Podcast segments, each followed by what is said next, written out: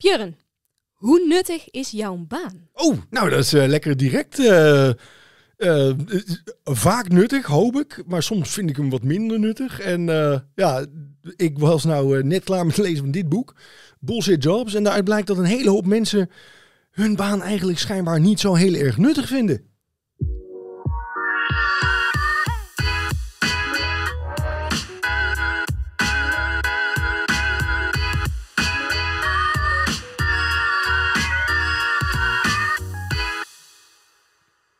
Jij las het boek Bullshit Jobs, want je dacht, die titel spreekt mij aan. Het is natuurlijk wel ja, ontzettende clickbait. Zo'n term bullshit jobs. Dus gaat meteen denken, oké, eh, een, een collega eh, had het aangeraden van, nou, dat is echt heel interessant. Het hebt over productiviteit, dus ik, ik was hem gaan lezen. En ja, hij, eh, ik vond het inderdaad een interessant boek om eens even over te hebben. En tenminste, als ik dan zo de titel zie, dan denk ik, oh, daar herkent iedereen zich eigenlijk wel in. Van, oh, ja, iedereen heeft wel eens zoiets van, nou, deze week, nou had ik toch echt een, was niet het allerbeste of dat niet het allerleukste. En ik vond het eigenlijk wel een shitweek. Gaat dat Ja. boek daarover? Ja, of dat je denkt van, eh, ik heb een, nou, mijn baan is niet geen bullshit, maar ik heb een collega en wat die dan de hele dag uitvreet. Of ik heb een baas en wat die dan de hele dag uitvreet. Ja, dat weten we niet. Alleen maar bullshit dan. Ja, hè, dat, eh, maar dat is niet waar het boek over gaat. Want het is dus ehm, niet dat je eens af en toe denkt van... oh, mijn week was deze week niet zo heel productief. Of het zat niet mee. Of ik ben niet bezig geweest met nuttige dingen. Het gaat ook niet over dat je vindt dat iemand anders zijn baan bullshit is. Ehm, de auteur, die, eh, de definitie van bullshit jobs is dat iemand zelf vindt van zijn of haar baan dat hij eigenlijk totaal geen bestaansrecht heeft. En dat hij zich daar heel erg goed van bewust is. En dat hij eh, eigenlijk een soort van stilzwijgende afspraak heeft met zijn werkgever. Van, ik weet dat mijn baan bullshit is. Jij weet dat misschien eigenlijk ook wel. Maar laten we dat gewoon maar niet hardop zeggen. En dan kunnen we hier nog heel lang mee doorgaan. Dat, dat, dat klinkt heel vreemd. Want normaal zou je denken van, ja, je, je werkt vaak jaren in een bepaalde functie wat je leuk vindt, of waar je goed betaald voor krijgt, of waar je iets, iets nuttigs in doet. Maar er zijn dus gewoon mensen die dus van zichzelf zeggen van, oh, eigenlijk wat ik doe is eigenlijk onzin, eh, bullshit. Ja. Dus niet dat ze zeggen van, oh, mijn collega, nou, wat die de hele dag doet, een beetje koffie drinken, bullshit. Ja. Ze zeggen het over zichzelf. Ja, nou, er zit natuurlijk wel een beetje dat in van... Je weet ook van je collega dat die niet echt heel nuttig... misschien wel altijd eh, bezig is of met dingen bezig is die nuttig zijn. Maar ja, je hebt een beetje zo'n zo'n eh, ongesproken, onuitgesproken afspraak met elkaar... dat je elkaar vooral niet in het vaarwater zit. Dat, Heel raar. ja, en, En Ja. ehm, hoe is die persoon, of eh, David Graeber heeft het geschreven, Ja. gaf je aan. Ehm, hoe is hij achter de mensen gekomen die dat zeiden van, nou ja, mijn werk is bullshit? ja. Heeft hij een enquête uitgezet of... Nou, hij heeft schijnbaar een keer een essay geschreven over bullshit jobs. Hij is, zijn achtergrond, hij is een antropoloog, dus is geen econoom of, of een, arbeid, een organisatiedeskundige.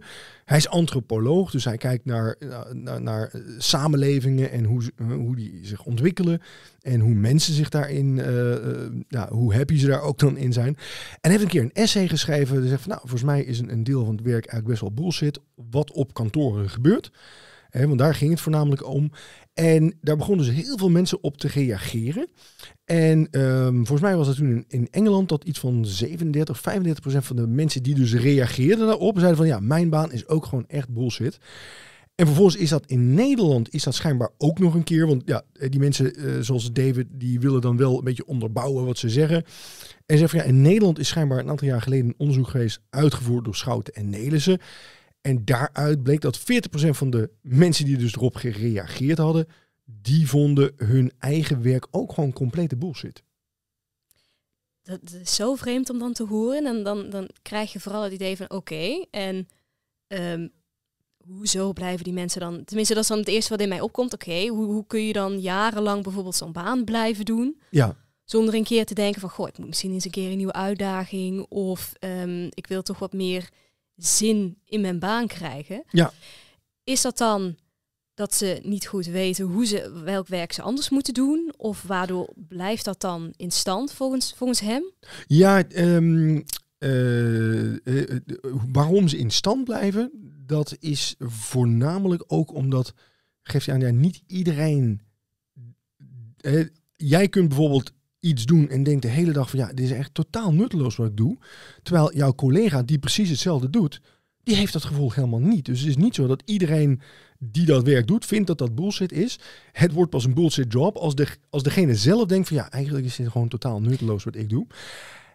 En dat blijft dan in stand, ook omdat, en, dat vond ik wel een hele aparte, het is een, er is een verschil tussen een bullshit job en een shit job. Dus Mhm. een, een, een shit job is gewoon als je zegt van ja, ik vind dit gewoon geen leuk werk. Het is geen eh, ehm, eh, werk met veel aanzien. Het is vaak ook geen werk wat veel betaald is. Dat is een shit job. Maar bullshit jobs zijn vaak ook nog banen met veel aanzien, die ook nog hartstikke goed verdienen. Dus het, het is ook wel moeilijk om van dat geld en dat aanzien afstand te doen. En om dan te zeggen, van, ja, ik ga wat anders doen, want daar zit van veel min, minder aanzien aan en minder geld. En als je nou, een huis, eh, eh, eh, een hond, een, een echtgenoot en eh, kinderen en een hypotheek hebt, ja, dan is Dan dat soms wel, dat, ja. ja, dan blijf je soms wel op die plek. Dus, zitten. dus eigenlijk, wa- wat het dan vooral zo lijkt, is dat een, een, shit, een shit job, dat is eigenlijk vooral gewoon een, iets wat je misschien niet leuk vindt of wat weinig aanzien heeft. Of Ja. wat andere mensen dus vooral misschien niet zo heel erg tegenop kijken of wat, wat gewoon niet leuk is. Maar dan bullshit, dat heeft dus soms wel vaak een hoog aanzien. Ja. Met ook nog een hoger salaris. Ja, dus het was echt. Ja. eh, hè, en hij, hij gaat er natuurlijk ook kijken van wie reageert er allemaal eh, en wat voor banen hebben die. Mhm. En dan zie je vooral dat het dus inderdaad de, ehm, de- over het algemeen hoog opgeleid, goed betaalde banen zijn.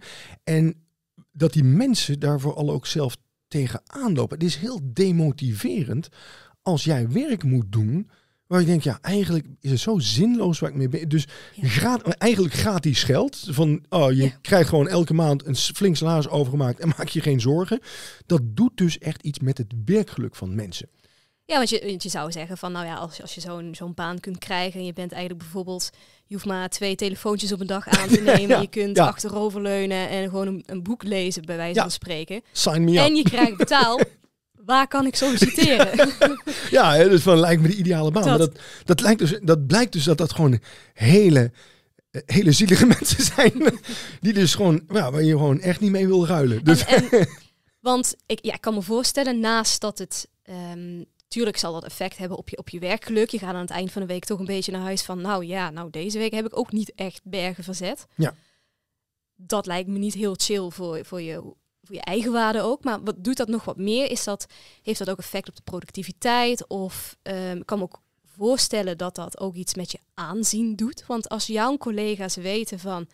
Nou ja, die Björn, nou die ja, wat doet hij eigenlijk? wat, wat doet hij eigenlijk? Ja. Van, als hij er een week niet is, dan lijkt de boel ook gewoon door te lopen. Ja, ja, ja het, het, het aanzien is dus, het zijn dus over het algemeen banen met best wel aanzien. Hè, maar ehm, ja, het doet dus vooral wat met de mensen zelf. En dan zijn op een gegeven moment, hè, je- ziet hij, en hij is soms wel echt wel kort door de bocht. Hè, eh, het is ook best wel, ik heb ook wel het idee, hij is best wel, was, want hij is hè, overleden een paar jaar geleden, ehm, een, eh, eh, best wel eh, aan de linkerkant van het politieke spectrum.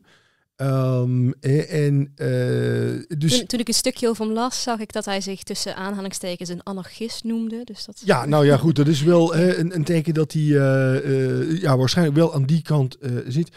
Hij steekt daar ook wel een beetje de draak mee. Ik, ik zie ook wel dat hij bepaalde onderzoeken aanhaalt en bepaalde testimonials aanhaalt die vooral ook zijn punt onderschrijven. Maar ik kan me wel echt voorstellen dat als jij en, en, en je zei net van oh, dat je niet heel druk bezig bent, maar dit zijn dus allemaal mensen die heel druk bezig zijn. Die, zijn, die maken heel veel uren, maar die maken heel veel uren of ervaren werkstress voor werk wat er niet toe doet. Voor dus het hun is eigen niet zo dat als je een bullshit job hebt, dat je eigenlijk bijvoorbeeld maar ehm, dat de werkdruk ook heel laag is. Het Die dus zijn, die ook- zijn er wel. Die zijn er wel. ja. Dus het, je, je kunt dus of bijvoorbeeld vrij weinig uitvoeren op een dag, maar je hebt dus ook mensen die dus toch heel druk bezig zijn. Ja.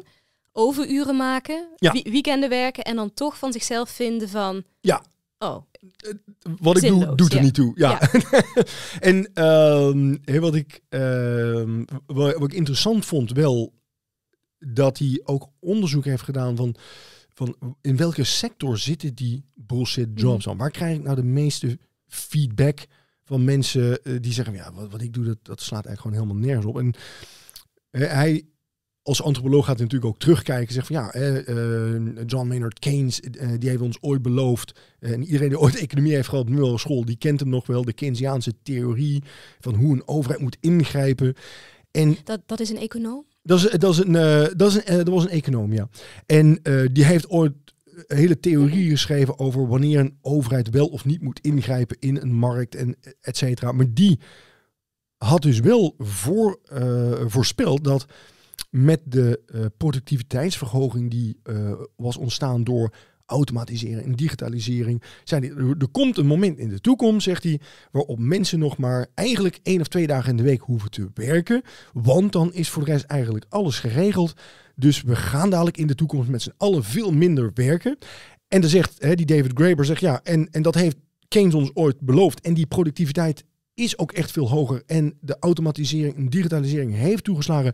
Waarom werken wij in vredesnaam nog allemaal meer dan twee à drie dagen in de week? Nou, in dat... Ik heb helaas nog geen vijfdaags weekend. Dus dat, uh, zijn, zijn voorspelling is nog niet uitgekomen. Nee, nee, maar, maar hij zegt van... Als je naar alle feiten kijkt, zou dat wel moeten kunnen. Ja. Waar eh, gaan hem die extra uren dan in zitten? En hij zegt dan gewoon van ja, dat zijn dus die bullshit jobs. Dat is dus eigenlijk, zegt hij, als je kijkt naar het werk, de economie, is gewoon 50% van de economie is gewoon onzin. En dat is natuurlijk wel ook heel kort door de bocht en heel, hè, heel anarchistisch links. Maar... Het klinkt eigenlijk alsof gewoon mensen op een plek gezet worden. Ze van, nou, dan hebben ze tenminste een baan, zijn ze van de straat. Zo ja. komt het bijna over. Ja, want, want ja. Uh, leuk dat je zegt, want hij, um, hij haalt in zijn boek ook aan zo van, het is een soort van arbeidsethos die zowel in um, in, in de westerse landen bestond al heel lang, als in de, uh, de, de communistische landen. Dus in de Eerste en de Tweede Wereld was van je moet al, iedereen moet bezig zijn. Iedereen moet werken. Niet waar je mee bezig bent. Als je maar bezig bent, als je ziet dat je druk bent, hè, je hebt een baan, dan is het oké. En in de westerse wereld, hè, dus de, de niet-communistische wereld, even om zo te zeggen, zei hij van, dan zag je al heel erg in de 17e, 18e eeuw dat er echt ges, um, uh, filosofen uh, werk verheerlijkten. Van, oh man, dat is een doel op zich. Daar wordt je gewoon, je ziel wordt daar vrolijk van. Maar zelfs in de communistische literatuur en later in, nou, bijvoorbeeld de USSR was het, iedereen moet, het, het, doel van dat systeem was om iedereen van werk te voorzien. En als je dan 0%, werk, 0 werkloosheid, dat was eigenlijk uiteindelijk waar ze toe streef. Dus als je dan in een winkel een cashier had en je doet er nog gewoon een tweede naast zetten die dan telt of het goed, die dan controleert of het goed gaat en een derde om de boodschappen in te pakken. Terwijl het totaal nutteloos is, dat maakt niet uit. Iedereen heeft Iedereen is aan het werk. En dat heeft dan volgens Graeber zich dan nou vertaald naar het kantoorleven. Dus in plaats van dat er nou vier mensen bijvoorbeeld één boodschappentas staan af te rekenen, zijn er vier. Heb je een secretaresse en een iemand dit en dit en dit. En die zijn allemaal aan hetzelfde dossier bezig. Ja, onder het mom van kijk eens hoe hard wij werken. Kijk, ja, we zijn allemaal bezig. En, en ik vind dat kort door de bocht, hè, want echt hm. bullshit jobs. Um, het feit dat 40% van de mensen die bijvoorbeeld in dat, dat Nederlands onderzoek uh, aangaven van, van, nou, ik vind dat mijn baan bullshit is. denk van, oké, ik weet niet hoeveel mensen er überhaupt gevraagd zijn en welke doelgroep binnen de Nederlandse maatschappij heb je bereikt. Iets met een korreltje zout. Ja, dus ik denk wel dat je het heel erg een koortje zou moeten nemen. En ik denk ook dat vooral mensen die, uh, die te beamen zullen reageren op zoiets. Maar ik heb in mijn eigen werk ook wel eens regelmatig dingen denk, van, gehad. Denk van ja, dit vind ik gewoon totaal zinloos dat we hier nog mee bezig zijn. En dan weet je niet waarom het ontstaan is of waarom ja. we het in stand houden. Maar dan, zijn, dan gaat het bijvoorbeeld eigenlijk meer om bullshit taken bijvoorbeeld. Dan is ja. niet meteen je hele baan shit nee. of bullshit. Het, het zijn bepaalde dingen waarvan je denkt, is dit nog nodig? Ja, maar ik kan me, hè, als ik met, en daarom dat ik dit boek ook interessant vond, want in onze trainingen en coaching en ook als we mensen interviewen, dan merk je dat vaak als mensen dan werkdruk ervaren of niet happy zijn, en je vraagt dan door ze van oké, maar waar zit het dat in? Dan is het vaak niet dat het per se te veel is. Oh, en als dat wel is, dan, dan merken ze van ja, ik ben met een hele hoop dingen bezig wat eigenlijk gewoon echt onzin mhm. is. En, en dat houdt me af van waar ik echt mee bezig wil zijn. En dat merk ik zelf ook van als ik druk ervaar doordat ik bezig ben met dingen die, waar ik denk van, ah, maar hier wil ik eigenlijk niet mee bezig zijn of niet meer zelf mee bezig zijn, dan merk je inderdaad dat die bullshit taken, ja, dat die wel de Ja, die, werk die, weghouden van, van, van de, de zaken die juist energie en, en dingen opleveren. Ja. ja. En die ga je dan eigenlijk schrappen. En die ga je dan, eh, daar ga je, als je, als je geluk hebt. Want Ja. eh, ik kan me ook voorstellen, als je bij een grote organisatie zit en dat er bepaalde regels intern of extern zijn, dat bepaalde dingen gewoon moeten gebeuren. eh, eh, ehm, eh, en dat je daar dus geen invloed op hebt en dat dat best wel demotiverend kan zijn. En, en zijn er ehm, bijvoorbeeld vol- volgens Graeber dan ook ehm, functies of, of, of taken of ehm, andere banen die daar dan vooral op zitten? Gaf hij aan van nou, er zijn dus echt specifieke die eigenlijk bij voorbaat eigenlijk altijd al bullshit zijn. Ja, hij, ehm, wat hij wel, niet zozeer van, oh, deze banen zijn echt bullshit. Wat hij wel zag, is dat hij, als je kijkt naar in welke sectoren mensen werken, dan was het, we, nou weet je, als je eh, heel ver teruggaat, middeleeuwen, eh, heb je een landbouwsamenleving, werkte 80% van de mensen in de landbouw. En je had een heel klein gedeelte, eh 10, 50% die zaten in de, in de ambachten. En een heel klein gedeelte, dat was de bestuurlijke bovenlaag. En die zaten in de diensten en zo. En zeg van, als je kijkt naar die verdeling, dan is dat in de... Daarna is er steeds minder landbouw gekomen. Is een periode van de industrialisatie geweest waarin er heel veel mensen in de industrie werkten. Maar hè, toen was het heel normaal om vijf, ze- eh, sorry, zes dagen in de week, twaalf uur te werken. En op een gegeven moment na die industrialisatie zie je de automatisering en dergelijke opkomen. En nu zie je dat maar een heel klein gedeelte van de Nederlandse bevolking en, en wereldwijd van de bevolking in de landbouw werkt. Een heel klein gedeelte werkt nog maar in de industrie. En heb je die twee samen, dat komt echt niet boven de 10% uit, zegt hij. En ineens 90% van de mensen die werkt in, in die andere sectoren, in de, in de dienstensector en van, van ja, zakelijke dienstverlening tot, tot overheid. En zegt hij, en daar, ja, dat kan toch niet waar zijn dat we met z'n allen gewoon zoveel informatie rondpompen. En dat, dat is wel de sector waar die denkt van, nou, daar, In de Daar- dienstverlening. ja, daar- die, ja. die is echt gegroeid. En dat zijn ook waar de mensen terugkomen inderdaad met van, nou, ik ben niet happy met mijn baan. En toen is hij wel gaan kijken van, hoe kan ik daar dan bepaalde, ehm, kan ik ze in bepaalde groepen indelen?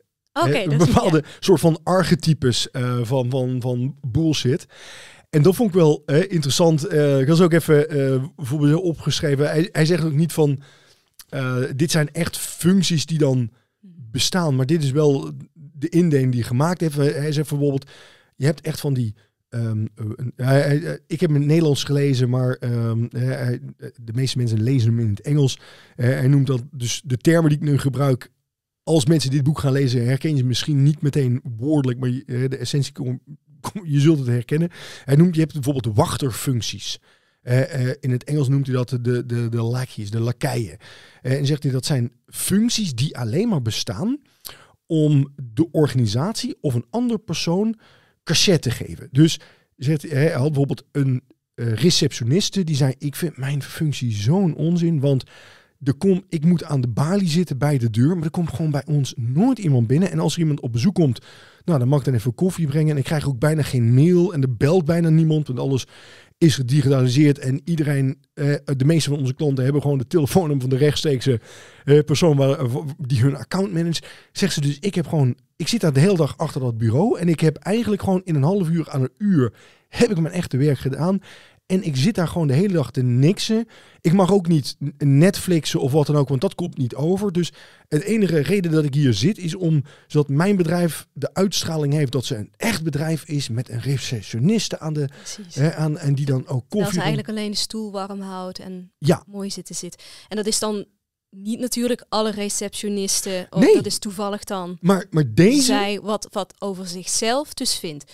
Dus Ja. is dat wat je zei in het begin van dat zijn mensen die dat over zichzelf zeggen? Ja.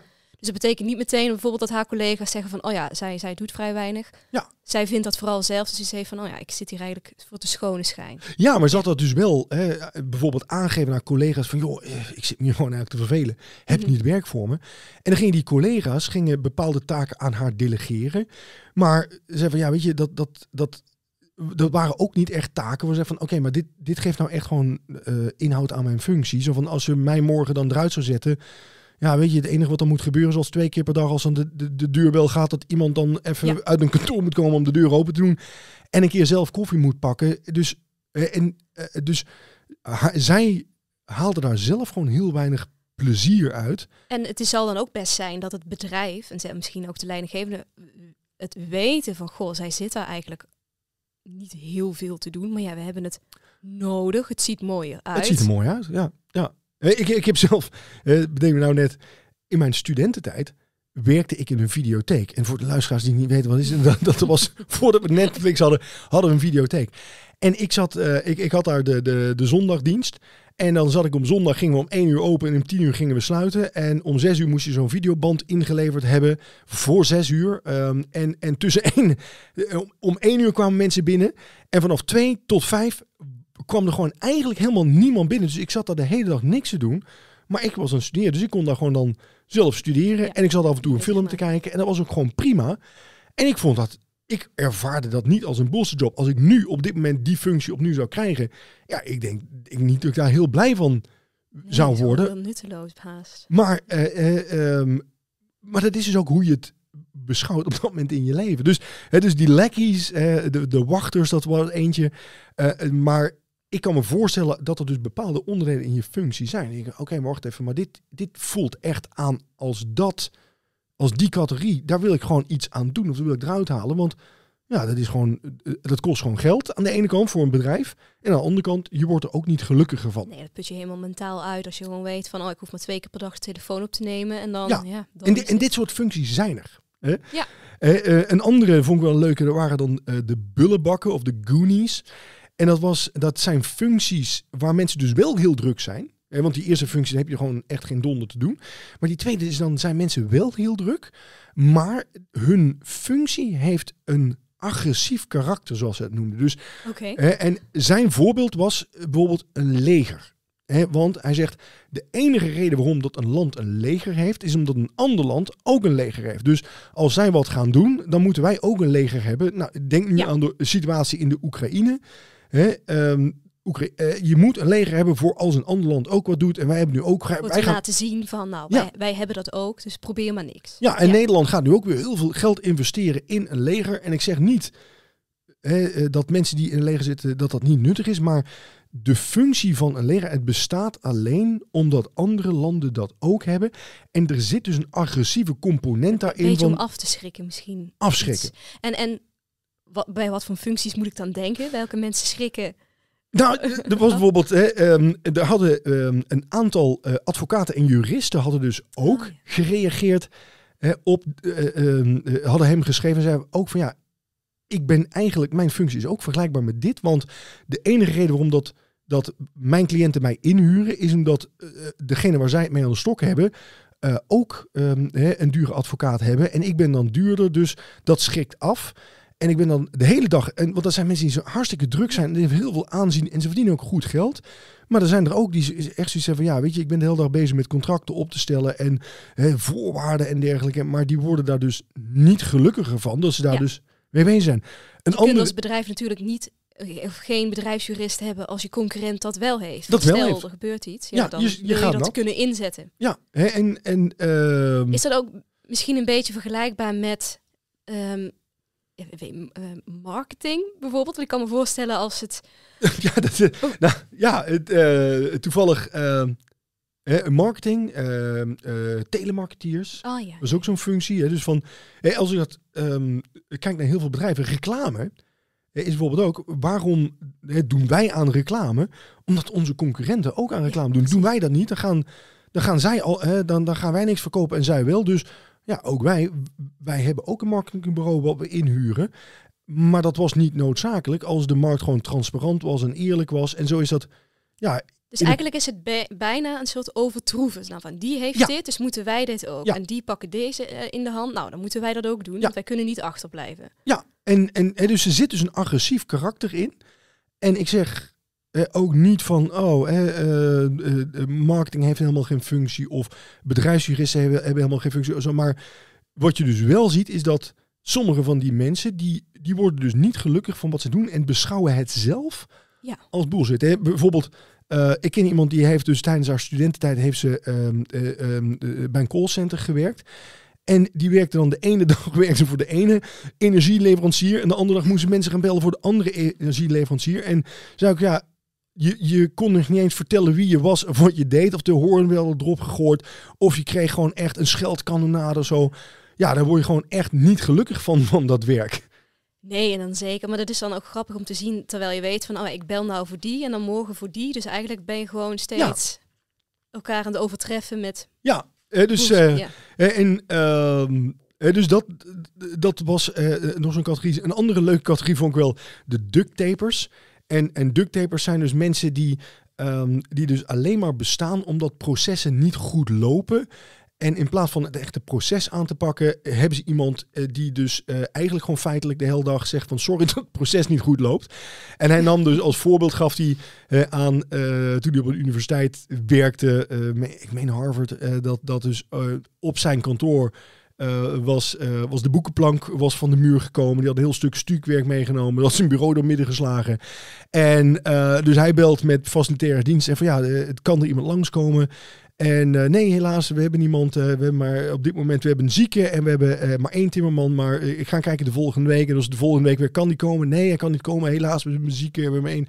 Dus hij had gewoon vijf, zes keer contact gehad met die, met die, met die duct taper. Die dus elke keer. En die was, zijn functie was de hele dag mensen te woord staan van nee, sorry, dat gaat niet lukken en zo. Tot op een gegeven moment dacht van weet je, als je die man nou gewoon omschoolt tot timmerman, kan hij Had, had je gewoon iemand doen. extra. Hebben we gewoon iemand extra. Hebben ook niemand om de nodig om de telefoon op te nemen en sorry te zeggen.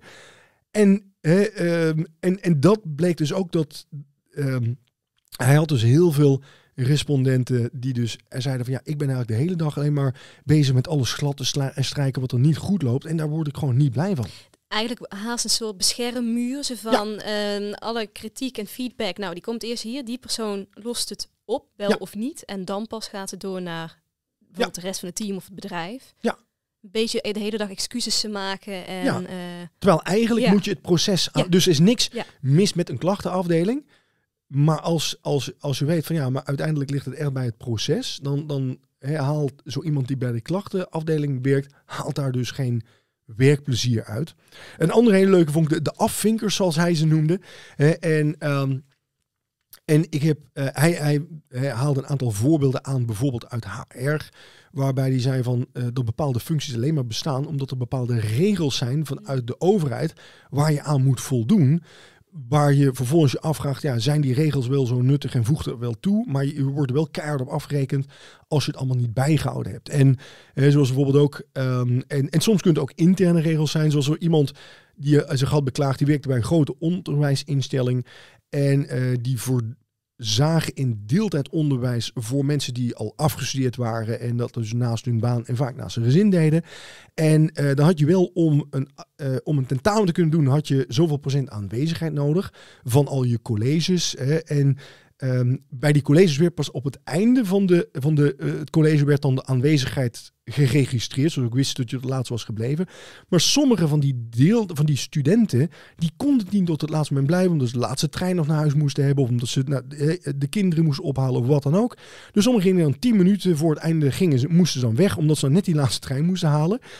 Die hadden dus het gedeelte eigenlijk alleen maar gemist van, oh ja, dit is je huiswerk, maar dat staat ook online. En dus eigenlijk niet wat het toe deed. Die gingen volgens naar het examen en naar tentamen toe slaagde met vlag en wimpel. En dan werd vervolgens gekeken, oké, maar ben je ook aanwezig geweest? En dan zat er dan zo'n afvinker bij. Ze van, ja, we hebben gekeken in de studentenadministratie, maar hij is niet eh, zijn 80% aanwezig geweest. Ja, dat is hij wel, maar hij is op het laatste moment bezig. Ja, maar er staat geen handtekening. je hebt geen vinkje. Ja, je hebt geen vinkje. Ja, maar kunnen we dan niet een vinkje zetten? Nee, dat mag niet, want als, als ze daar achter komen, hebben we een probleem. De, dus Zo'n persoon. zo'n persoon Ja, die, die, ja. maar die die persoon ook niet wil zijn, die wil dat zelf niet Nee. zijn. Dan zeggen ze, ja, shit, hè, als ik nou gewoon Maar die heeft natuurlijk ook iemand boven zich staan. zo van, jij moet alles afvinken. Ja, Ja, hè, en, Dit zijn de regels. ja, en zo heb ik zelf bij een, eh, bij een groot verzekeringskantoor eh, ooit een training verzorgd. Waarbij ehm, de bedoeling was dat alle mails binnen 24 uur behandeld werden. En dat 80% van de, van de, aan, eh, van de, de zaken binnen, tacht- eh, eh, binnen 24 uur ook afgehandeld werden. En anders, er kon natuurlijk altijd een reden zijn dat je iets iets langer bleef liggen. Maar dat moesten ze houden. En er was dus iemand die hield dus bij allemaal die zaken bij of je op die 80% zat. En dan ging die dus, als dat niet was, dan moest je dus bellen met die persoon van, nee, jij ziet, je haalt je 80% norm niet. En dan moest die weer gaan uitleggen, van, ja, maar dat ligt om die en die reden. Oké, dat snap ik ook. En die had ook, ik, heb die, ik had zo mensen in die training en die werden gewoon doodongelukkig van hun werk. Omdat ze zelf van, ja... je weet heel systematisch te werk te gaan, terwijl je je eigenlijk bezig wilt houden met waar het echte werk om draait. Ja, is dat, dat gebeurt volgens mij denk ik ook wel vaak in de zorg, denk ik. Dat er bijvoorbeeld heel veel mensen zijn met protocollen bezig en afvinken, afvinken.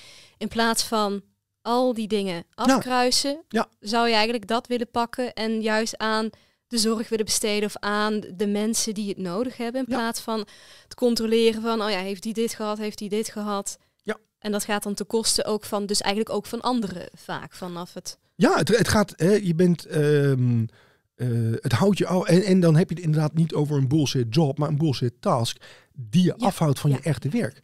En in de zorg, ehm, daar maken we het regelmatig mee. Ik bedoel, dat weet ik uit eerste hand uitgene dat mensen echt aangeven van, joh, ik wil gewoon tijd hebben voor die patiënt.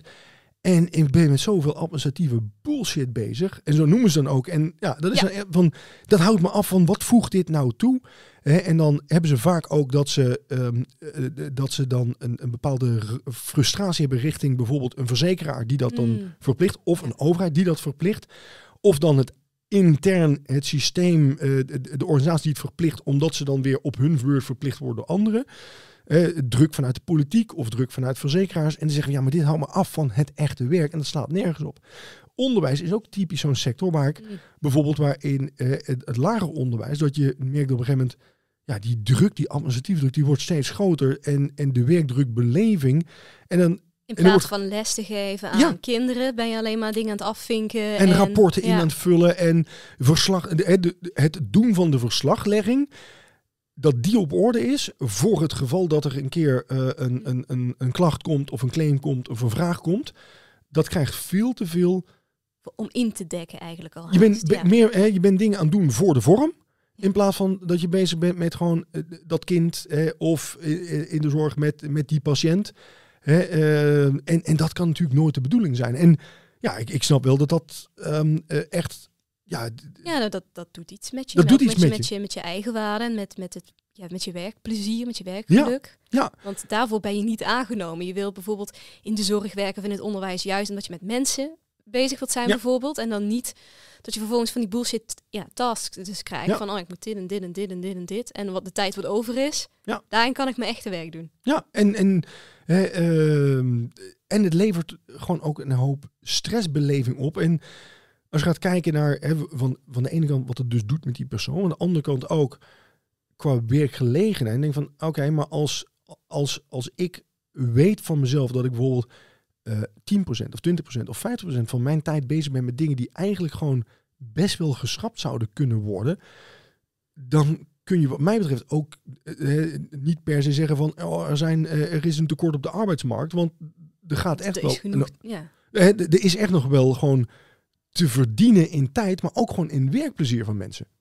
En dat, dat waren alle um, types die hij nee, aangaf? Hij, had nog eentje en dat is natuurlijk waar, hè, waar, waar het meest op geschoten wordt. En dat waren leidinggevenden. um, hij noemde ze dan taskmasters. En hij zei van ja, ook bij leiding. Hij kreeg ook van leidinggevenden. Kreeg hij dus terug van, ja, eigenlijk vind ik mijn baan maar bullshit. Die waren er dus ook. En hij onderscheidt daar twee subcategorieën in. Zo van de categorie die wel kwaad doet en die geen kwaad doet. En de categorie die geen kwaad doet, zijn van ja, dat zijn dus leidinggevenden die klagen dat ze eigenlijk gewoon in de gaten moeten houden of andere mensen hun werk doen, maar die andere mensen die doen dat eigenlijk gewoon. Dat zijn gewoon mensen ja, die gewoon netjes doen wat je ze vraagt. Dus je hoeft helemaal niet te controleren van... hey, heb je die teruggebeld? Heb je dat gedaan? heb je dat over de werkvloer en kijken van... en hoe staat het ermee? Ja, heb je dat gedaan? Ja, heb ik gedaan. Ah, oké. dus je kunt je voorstellen als, je, als jij dus andere mensen controleert... terwijl je denkt van ja, dat hoeft eigenlijk helemaal niet, want ze doen netjes. Ja, dat je daar niet heel blij van wordt. En, eh, en sommige van die mensen die denken dan... oké, weet je wat? Dan ga ik dan andere taken verzinnen voor die mensen die er nog moeten doen. En dat is dan de schadelijke categorie. Want die gaan dan op een gegeven moment onzinbanen nog erbij zoeken van oké, eh, doe je dat wel? Oké, prima. kun je dat dan wel invullen op dat en dat formulier en online in deze uh, en kunnen we het ook nog evalueren en zo. Dus die gaan dan bullshit taken verzinnen voor anderen. Ja, maar dat, maar dat snap ik wel. Want het is ook van als jij de hele dag rondloopt en ziet van, nou ja, eigenlijk iedereen doet wat hij moet doen. Ik verveel me haast. Laat Ja. ik eens wat. Ja, je, je wilt je nuttig voelen ook. Ja. Dus dat, dat groeit natuurlijk omdat je denkt van, ja, ik kan hier ook niet Ja, hè, kijk naar mijn zitten. salaris. Precies, zo van, ik moet wel iets doen. Dus laat ik dan maar eens een, een side project verzinnen waar ik haar aan kan zetten of waar hij aan mee kan helpen. Ja, ja. En wat ik, wat ik leuk vond, een van, eh, hij, beschreef ook een voorbeeld van, eh, van een van die leidinggevenden. Was een middenmanager en, en die had zoiets van, nou, één keer in de zoveel tijd komen we bij elkaar met, met mijn collega's die allemaal hetzelfde soort teams aansturen en de grote baas. En hij had gekeken naar van, oké, maar wat gebeurt er nou in ons bedrijf allemaal aan bepaalde werkzaamheden en bepaalde processen en hoe kunnen we dat optimaliseren? Ehm, want dan zouden we waarschijnlijk gewoon met minder mensen hetzelfde werk kunnen doen. En dan kunnen we meer om. Eh, eh, we zouden kunnen, kunnen terugschroeven. Of we kunnen meer werk oppakken. En eh, we kunnen eigenlijk ook gewoon kijken naar het aantal managers wat we hebben. Dat kan eigenlijk ook gewoon teruggeschroefd worden. Dus hij had dat helemaal uitgewerkt. En hij kwam aan in dat MT-overleg. Van jongens, kijk eens even. Hè, en had dat allemaal met charts onderbouwd. En het, er was geen spel tussen te krijgen. En ik denk van, nou, nu word ik gewoon op handen gedragen. Maar, maar die, die, ja, dat hele MT, dat kon hem eigenlijk wel schieten. Want die hadden zeggen van, ja, wacht even. Hartstikke leuk en aardig. Maar eh, dat wil eigenlijk zeggen dat de helft van ons daar de straat op moet. En wij vinden het eigenlijk wel prima dat we zoveel Ja, want ik, betaald ik vroeg jou krijgen. dus straks van, goh, als, als iedereen eigenlijk heel ongelukkig is in zijn bullshit job, dan zou je denken, nou dan, dan, dan zorg je dat je iets anders gaat doen. Dus hoe blijft dat in stand? Ja. Maar daar geef je dus nou eigenlijk antwoord op. Het is meer zo van, shit, als jij nou, nou iets over zegt, dan vallen we met z'n allen door de mand. Ja. Want als ik niet meer nodig ben, dan hoeft hij mij niet meer te controleren. Is hij ook niet meer nodig? ja. En dan de, de opperste baas, ja, waar, waarom heeft hij dan dat salaris? Die? Dus het is eigenlijk een beetje, we houden het samen in stand. Ja. Dat, dat is vreemd. Ja. Maar begrijpbaar. Ja, en, en, eh, ehm, eh, en, en hij gaf dat dus ook aan. Van, ja, en, en dat krijg je dus ook van. eh, Niet iedereen die in, dat, in datzelfde groep van het MT zat, vond dus zijn baan bullshit. Want sommigen die hadden zoiets van, nou, maar de, mij kan zeggen dat ik manager ben van een afdeling van Ja. 40 mensen. Twintig mensen onder me, twee receptionisten. Oh, het- ja, mij, ik sta overal waar ik, iedereen denkt dat ik gewoon heel belangrijk ben. Dus ehm, en en ehm, eh, ik vond dat eh, echt wel. Ik denk van, oh ja, inderdaad, mensen ervaren daar dus een bepaalde ehm, status aan, verdienen ook goed en natuurlijk zo'n manager die aankomt en zegt van dit is allemaal beter. Dat wil ook niet zeggen dat alles wat hij of zij Mhm. zegt hout snijdt en dat dat ook echt allemaal zo is. Maar ik snap wel ook waarom er bepaalde dingen in stand gehouden worden. Want als jij kunt zeggen van nou in plaats van dat ik 20 mensen onder me heb, gaan we terug naar 10 en we draaien dezelfde omzet. Ja, weet je, als, als jij daar niks van merkt in je portemonnee en je gaat wel een aanzien achteruit, ja, dan snap ik dat wel. En als, eh, en als jij weet van jezelf, ja, ik ben een afvinker, dus ik ben alleen maar dingetjes aan, het- aan het controleren, maar eh, het verdient goed en ik vind dat eigenlijk wel prima zo. Ja, dan houd je dat, dan zit je niet te wachten op een collega die zegt van ja, weet je, ik ga toch eens met de baas praten, want eigenlijk wat wij doen is gewoon Ja. onzin. Nee, je gaat niet snel aankloppen van, goh, ik, ik werk Mag te, te weinig voor mijn salaris. Kunnen Ja. we ergens in gaan snijden? Ja.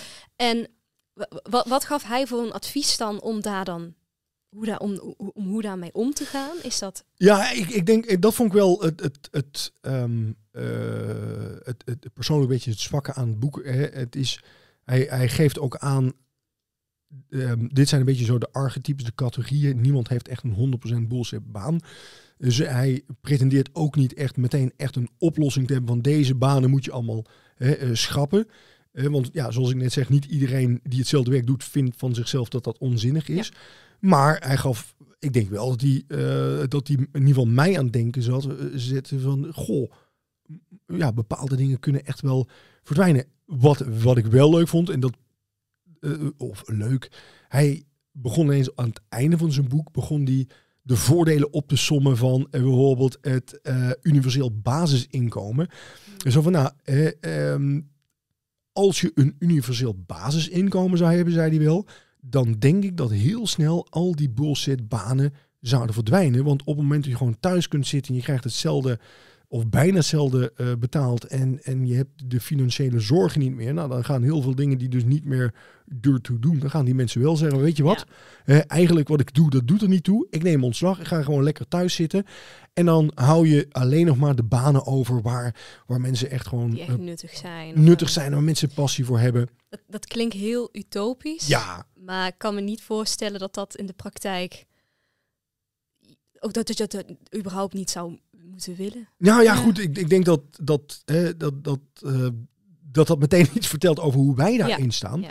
Want eh, op dit, hè, er zijn natuurlijk in de afgelopen jaren genoeg mensen geweest die gezegd hebben, ja, zo'n universeel basisinkomen, ja, dat is eigenlijk wel prima. Ik denk ook, hè, ehm, en dat vond ik wel het interessant aan het boek, dat aan aanwezigheid en activiteit, dat is wel iets wat in onze samenleving heel erg belangrijk is. Je moet werken, je moet uren maken, je moet, ehm, eh, hè, het maakt niet uit wat je doet, maar als je maar kunt zeggen dat je naar je werk gaat en dat je een baan hebt en dat je... Zolang je eh, maar van 9 tot 5 er bent. Ja. Maar niet uit per se of Ja. dat heel productief is. Je bent wel aan het werk. En of het Ja, iets toevoegt, en of je zelf vindt dat je toevoegt. Maar dat je wel kunt zeggen van ja, nou, ik ben eh, die en die en ik heb eh, eh, die en die functie en zoveel mensen onder me. Ja, dat andere bij een feestje kunnen zeggen van, eh, dat Nee, is wel gedaan. ja, interessante, Ja. poh, die Inge die, ja, die heeft het wel goed voor elkaar. Zo, dat, dat, Ter- dat, Terwijl ze bijvoorbeeld dan in, in, in praktijk eigenlijk valt dat dan reuze mee. Zit die Ja. persoon eigenlijk ja, dingen af te vinken. Ja. De duct tape, of hoe zei je het? Duct tape. ja, gewoon duct tapers. En, hè, en, eh, dus dat vond ik wel echt gewoon een, een hele interessante. Hè, ehm, Waren er nog meer inzichten wat, waarvan je zegt van, oh ja, dat, dat heeft het boek me echt geleerd? Ja, er waren eh, bijvoorbeeld, hè, ehm, eh, wat ik wel een leuk voorbeeld vond, en dat herken, eh, dat, dat dacht van, ah ja, dat klopt wel. Ze hadden, hebben we bijvoorbeeld een paar jaar geleden hebben in België hebben meegemaakt dat dat land, ik geloof iets van 400 of ergens tussen de 400 500 dagen zonder regering zat. En dat wil niet zeggen dat het niet bestuurd werd, maar Mhm. als er eh, eh, een nieuwe regering gekozen moet worden, gaat de huidige regering gaat in ieder geval niet meer heel veel nieuwe plannen ontwikkelen, want dat, dat, hè, dat doe je dan niet. En zegt van ja, weet je, dat land heeft meer dan een jaar zonder regering gezeten. Ehm, er was helemaal niks aan de hand. Alles liep gewoon door. Eh, hij zegt in Ierland is er jaren geleden eens een keer een bankenstaking geweest. Waren de bankjes van vier of zes maanden dicht. En dacht iedereen van, oh, en nu valt de hele economie in Ierland op zijn gat en zo. Nee, alles ging gewoon door. Mensen eh, zorgden gewoon voor een workaround en, en die gingen gewoon buiten de bank om met IOU's werken. En er was gewoon helemaal niks aan de hand. Zegt hij, in dat land heeft gewoon maanden gefunctioneerd. België heeft meer dan anderhalf jaar gewoon niks aan de hand geweest. Eh, terwijl in New York zijn ooit eh, de vuilnisophalers die zijn gaan staken. En na anderhalve weken werden alle eisen werden gewoon ingewilligd. Hè. En dan zag je gewoon van, ja, want dat was hè, nuttig werk, zegt hij. En die andere dat waren bullshit eh, banen, zegt hij dan heel kort door de bocht. Nou, van, van ja, hè, het zijn wel als de, de nuttige banen, als daar gaan staan, dan piept en kraakt het meteen in de maatschappij. Terwijl als bullshit banen, als dat op zijn gat ligt, heeft iedereen van, eh, oké, we gaan gewoon door. Zo vond ik een mooi Dus om er eigenlijk achter te komen of je zelf dus dan een bullshit job hebt, Ja, is dan, welke vraag kun je zelf dan stellen? Is het dan van, goh, als ik nou er bijvoorbeeld een, een maand niet ben en alles loopt gewoon door, dan? Ja, nou, het was, een- hij noemde ook voorbeelden. eh, eh, en, en volgens mij heeft dat zelfs in Nederland ook de kranten gehaald met een, eh, ik meen een Italiaanse of een Spaanse ambtenaar die zoveel jaar gewoon niet meer naar zijn werk was gegaan. En, en niemand had dat gemerkt. Hij noemde ook een voorbeeld En, van. en die kreeg gewoon doorbetaald? En die kreeg gewoon doorbetaald. En die, die man die werd gewoon jaren doorbetaald. En niemand had hem gemist. Eh, er was ook een voorbeeld van. Ja, en, en, en wie ligt dat dan, moet je dan afvragen? Is dat dan... Ja? Precies, ja, geeft die man het ongelijk. Die heeft zoiets van, ja, ze merken het niet eens op, dus hoe functioneel zijn zij dan? Het is, eh, eh, ja, hè, dus dat ook nog. En hij noemde ook een voorbeeld, dat vond ik wel heel tragisch, van iemand op een kantoor die dus eh, achter zijn bureau een hardenwal gekregen had, gestorven was. En daar kwamen ze pas na een paar dagen achter. Dat is toch erg? Gewoon van, die zat dus niet van dat hij in een open office zat en dat iemand dacht van, goh, die is wel heel lang heel geconcentreerd. Maar ja, of dat, eh, zo van, eh, zetten ze raam open. Maar, maar die zat dus op een kantoortje. En, want iedereen zat op een kantoor. En nou, die was er ook van bekend dat hij wel langer, eh, soms langer doorwerkte. En na, na twee dagen kwamen ze achter dat hij gewoon achter zijn... kwam even zijn- iemand wel kwam een stempel halen, die doet de deur open en van, En, oh ja, daar ligt, daar ligt Bob op de grond. Ja, nou nee, dat nog niet. Maar gewoon echt Ja. achter zijn... En dat is, eh, we lachen er nu om, maar het is gewoon super Ja. traag. Je zult maar... eh, en, want dat denk ik wel... ehm, dat, eh, dat merk je hier in zo'n boek. En dat merken wij zelf ook als we met mensen bijvoorbeeld in training praten. Ehm, werkgeluk zit er ook in van dat je niet dingen alleen efficiënt doet, maar dat je ook het idee hebt dat datgene wat jij doet Ja. iets bijdraagt. En dat het Ja. nuttig is. Dat, dat, dat jij het nuttig vindt, dat anderen het nuttig vinden. Hè? En dus, dus dat vond ik gewoon echt heel mooi aan dit boek. En het heeft voor mij vervolgens ook weer gezorgd dat ik weer eens kritisch ben gaan kijken. En dat deed ik sowieso om de zoveel tijd. Eh, ehm, wat voor een dingen ben ik nou aan het doen die ik eigenlijk gewoon bullshit taken ben gaan vinden? Want sommige dingen die doe ik nog altijd, terwijl, terwijl ik ze dacht van ja, eigenlijk hoef ik dat niet meer te doen hè, of minder vaak te doen. Bijvoorbeeld bepaalde Dat dingen is die dat Warren Buffett eh, idee van je. ja, hè, en, en, en toen ik dit dus las, dacht ik, ja, inderdaad van, dat voegt iets aan toe. Zo van, van hey, wat zijn nou de dingen waar ik echt weerstand tegen voel? En ik heb dus bepaalde taken. En op, op basis van wat ik hier eh, gelezen heb, ben ik daar echt weer Mhm. kritisch aan kijken van, wat zijn nu de taken die ik doe, die eigenlijk gewoon niet meer hoeven te gebeuren, die ooit misschien nuttig waren, of die ooit die ik eh, van, van een collega die toen boven mij stond, zei van, nou dat moet gebeuren. En die ben ik trouw blijven uitvoeren. Ik denk van, Mhm. nou, gewoon onzin. En die ben ik gaan schrappen. Maar ook bepaalde daken. Ik denk van, nou, dat is niet meer nuttig dat ik dat nog doe. Maar iemand anders kan dat prima overnemen. Eh, of we gaan het gewoon minder vaak doen. Hè, ehm, eh, of we gaan een andere vorm doen. Ehm, en, ja, en ook naar, met collega's gaan kijken van... hé, waar ben je nou allemaal mee bezig? En wat zijn nou de dingen die weerstand oproepen? Dus voor mezelf is het nuttig, maar ook met Ja. collega's te kijken van... hé, wat zijn nou de taken waar je echt tegenop ziet? En om dan eens samen te kijken van... is dat nou zo'n taak die voor, voor ons beide gevoel valt in de categorie bullshit... En als dat bij beide is, nou, dan moeten we misschien wel schrappen. Ja, of En als jij- nadenken hoe dat anders kan en wa- waarom Ja. je dat dan anders moet gaan doen. Ja, en als, als jij eh, zegt van ik vind dit echt bullshit en ik vind dat dat geen bullshit is, dat ik in ieder geval uitleg waarom dat, dat Ja. belangrijk is en dat we dan in ieder geval naar kijken of dat dan dat, wel dat je is. onderscheid kunt maken tussen van oké, je vindt het misschien shit om te doen, maar het Ja. is geen bullshit. Het is, n- Ja. Maar ik kan me wel voorstellen dat als te veel dingen in jouw takenpakket aanvoelen als shit, ja, dat gaat op een gegeven moment wel ja, eh, eh, vreten aan je werkgeluk. Dus ehm, dat vond ik gewoon echt hele mooie Mooi. inzicht uit het boek. Zou, zou je dit boek aanraden aan mensen die zoiets hebben van ik wil meer weten over productiviteit, ik wil slimmer leren werken? Als je, als je tijd over hebt, zou ik het zeker lezen. Hè, Eh, als, ik, als ik het sterren moet geven, of, of hè, van- van- sterren of eekhoorntjes. Maken de eekhoorns We maken de Ja, e- ja. ja, we- eh, eh, Echte goede boeken krijgen vijf eekhoorns. eh, Ja. eh, goede boeken vier. Dit valt voor mij. eh, ik vond hem eh, een vier omdat hij mij eh, ehm, eh, ogen heeft geopend. Dus vier van de vijf. Eh, als, als mensen mij vragen, moet ik het helemaal lezen? Dan ik zeggen, nou, kijk of die op Storytel of Audible Mhm. staat. En zet hem op snelheid 1,5 en, en luister hem dan. Eh, of pak een samenvatting, want dan heb je er ook gewoon voldoende aan. Ja, dan kun je die tijd gewoon weer nuttig besteden. die tijd weer nuttig besteden. Precies. Leuk. Ehm, zijn er nog andere boeken die jij aan het lezen bent?